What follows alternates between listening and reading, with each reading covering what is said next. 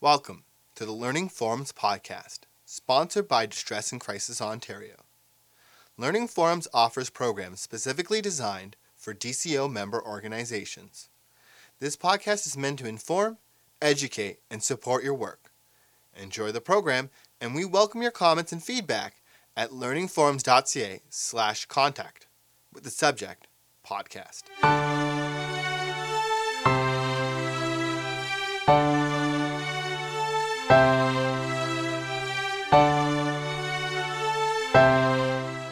Good afternoon. My name is Kathy Tufts, and I'm here to speak about uh, people with blindness or partial sight. The terminologies are very distinct. Blindness means basically very little or no vision. Partial sight is a wide range of being almost uh, eligible to drive to just being able to see when the lights are on in a room or knowing where the windows are it's very, as I say, very much a wide range, very individual. To give you some statistics, over 200,000 people in Ontario live with blindness or partial sight. The majority of people do have some vision. Probably only about 5% would have no vision. In Ontario, over 2 million people have some kind of serious eye condition, and I'm just going to give you an idea of four of the common ones that you may have already heard of. One is cataracts, and a lot of people know someone who's had cataract surgery. Basically, there's a part in your eye called the lens, and what happens in, when you get a cataract is that that lens starts to cloud up. So it causes for blurry vision.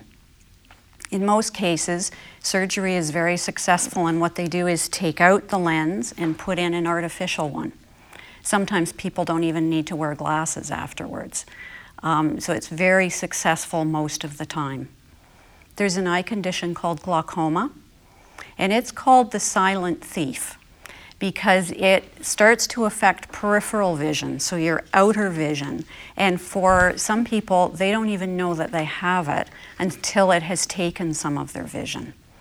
So we are always very much promoting that people have um, eye ch- exams on a regular basis to make sure that if something is happening like that, that it gets caught early, because the earlier the better.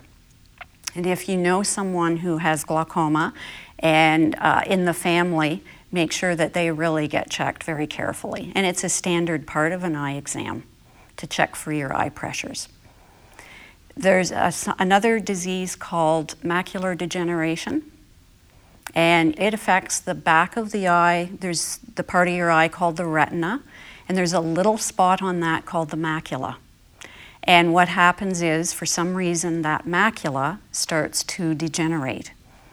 That's what gives you detail vision. So if you think about all of the things you do during the day that require you to have detail vision, any kind of close work, from putting toothpaste on a toothbrush to reading, any kind of thing that you're doing, it affects that.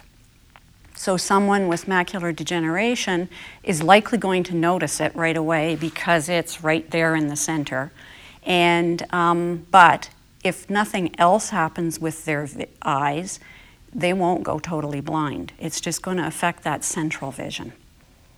Another uh, condition that is called diabetic retinopathy. And that, as you can imagine, is uh, something that can be a side effect from having diabetes what happens is extra blood vessels start to develop in the back of the eye, which then, for some reason, start to bleed. And it can cause um, bleeding into the eye. It can fluctuate a lot. I've worked with some people who have had what they call a bleed, and they're just about totally blind. The blood can clear, and so then they go back to being um, maybe not fully sighted, but they do still have quite a bit of vision. But that can fluctuate and keep going like that. Eventually, what can happen is that it causes a retinal detachment, which can still be um, treated. There is surgery, um, and very often it is successfully reattached. That tends to affect people that are younger, say, um, sort of working age. The macular degeneration is actually called age related. That tends to affect people more sort of over the age of 60. I used to use the word senior, but now that I'm getting very close to that, I just say over the age of 60. The majority of people with vision loss are over the age of 60, but it can affect people of all ages. What I wanted to talk to you today, too, about is why somebody with vision loss might call a distress line. They're going to call for any of the reasons that anybody else calls about. But what I'll focus on is why they might call in relation to their vision loss. If it's just recently happened, they're going through a grieving process. But they may not even attribute it to grieving because a lot of us think of grieving as when you lose somebody, like a significant person in your life. So thinking of loss of vision doesn't seem to be the same thing, but it is. It's a loss. So people go through grieving. They want somebody to talk to that um, is going to be neutral, non judgmental about how they're feeling. And they may not want to or feel comfortable talking to their family because their family's going through something too. Vision loss affects the individual, but it affects everybody around them too in, in different ways. That can be a part of what the problem might be, is how the people around them are reacting to it as well. As I said, there's a lot of people in that range of partial vision. It can fluctuate. So one day the person may be able to do something quite comfortably, and the next day they're having problems with it. Family members start to say, I think they're faking it. I don't really think it's as bad as they thought or as they're making it out to be. Just a little aside, I had a boss when I first started with CNIB, and I had this dark jacket on, and there was a piece of fluff, which a light colored piece of fluff, and he came up and he said, I can see the fluff. He said, Tomorrow, I might not be able to see you and walk into you. So it's hard for somebody not looking through the eyes of the person with vision loss to understand that, but it's very legitimate you know, there's a lot of factors that can um, get into this. It could be the lighting is different. How the person's feeling can cause a lot of differences. Guilt can be one thing that, that enters into this as well. Especially, I find for somebody that's got diabetic retinopathy. They may have been told if you'd taken better care of your diabetes, you wouldn't have had this. That's a hard thing to hear. It's a hard thing to take. And how do you kind of deal with that? Um, fear of what's the future hold for me? I'm encountering all these things that I can't do anymore. How am I, you know, how am I going to live? If somebody's working, obviously they're going to be very concerned. How am I going to be able to continue to do my job?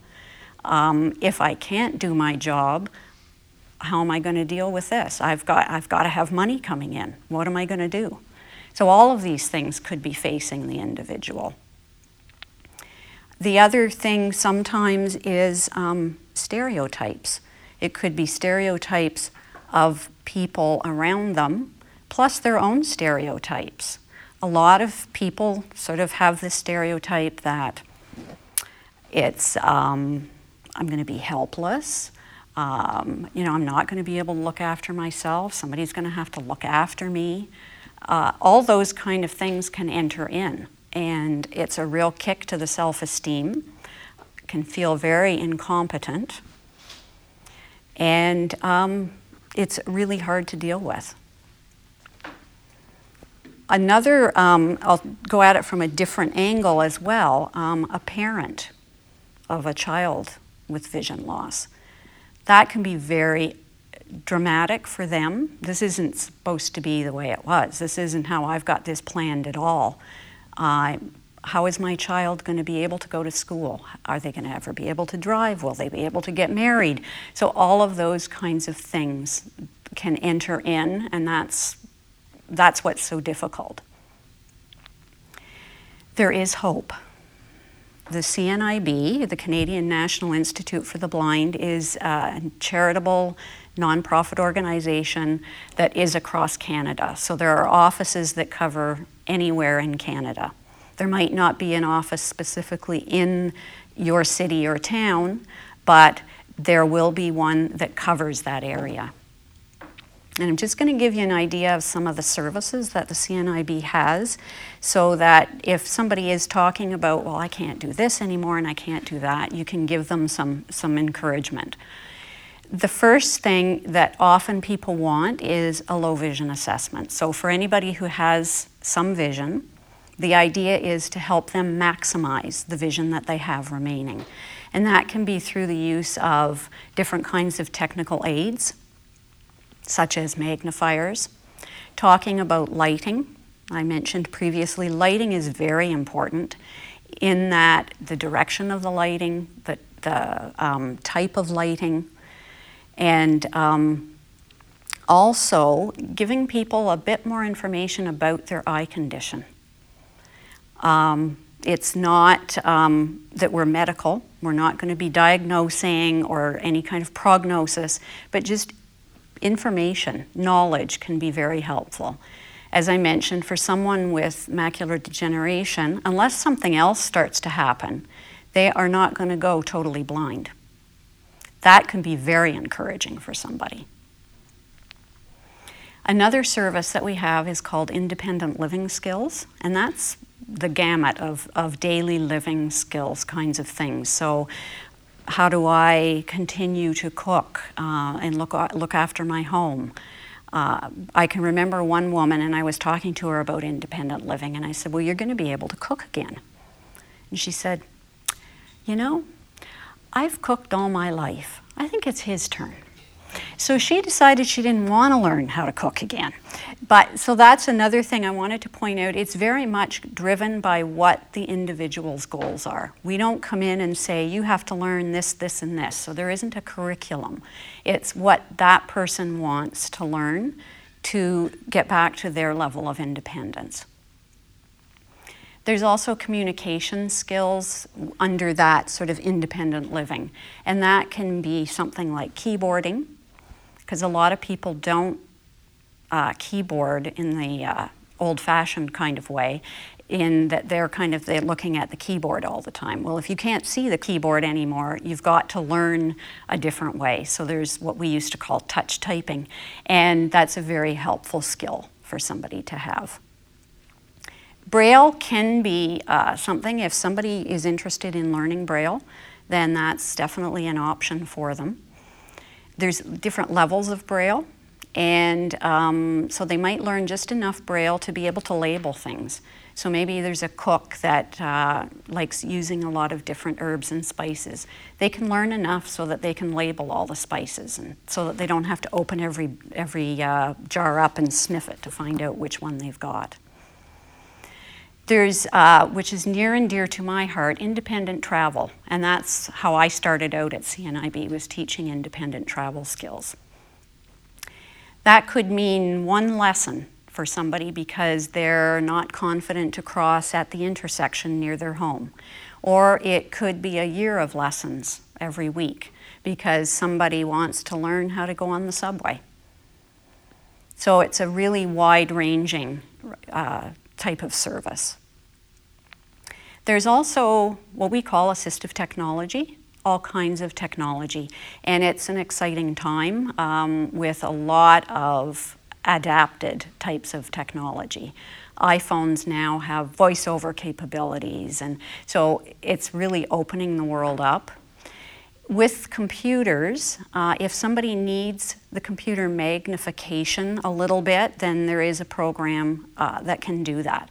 It again has a wide range. It can be two times magnification up to about 30 times. So, depending on how much the person needs. If that's not going to work, because the person can't even see it with the, the highest magnification, there are things called screen readers. So, it actually reads the, what's on the screen. So that instead of using the mouse, I have been called mouse dependent by some people. You can't use the mouse. it is all keystrokes. And people tell me that once you get used to using all the keystrokes, it's a lot faster because you're not taking your hands off the keyboard to reach for the mouse. But it takes some time to learn that.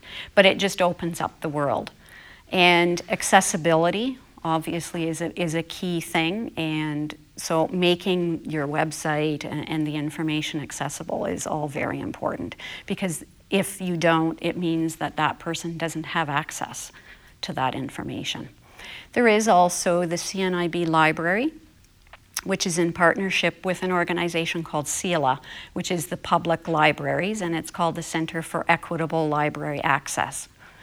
And if somebody goes to their local library, they may be using the large print books, uh, they may use the audiobooks, and they may decide that they do want to get materials from the CNIB. They can have them delivered to their home, or they can have them delivered at their public library and they can pick them up there. So it's their choice of what they, um, what they decide. Uh, a couple of things I wanted to mention specifically for uh, somebody who's answering a call from somebody with vision loss. Uh, one thing is don't necessarily start asking about, you know, what caused your vision loss or anything. Just if that's the direction they want the conversation to go, that's where they'll take you. Another thing is that you don't have to worry about saying certain words. You can say look and see and, and not, not worry that you're going to be offending them. If there are resources that you want to share with them, keep in mind, depending on what kind of strategies they've developed, they may not be able to take phone numbers down. So you may have to direct them, you know, give them the name of the organization and direct them to call the operator. And that may be the way that they get the information. Other people, depending on where they're at with the vision loss, may have different strategies. They may uh, you know, write it down with a felt pen. That sometimes makes a difference. Instead of using a ballpoint pen that writes a thin little line, you can use a felt tipped pen, which makes the line bolder. Printing is easier to read than writing is. So there's, there's different strategies that that person might uh, use. So, in closing, I'll just say thank you for this opportunity.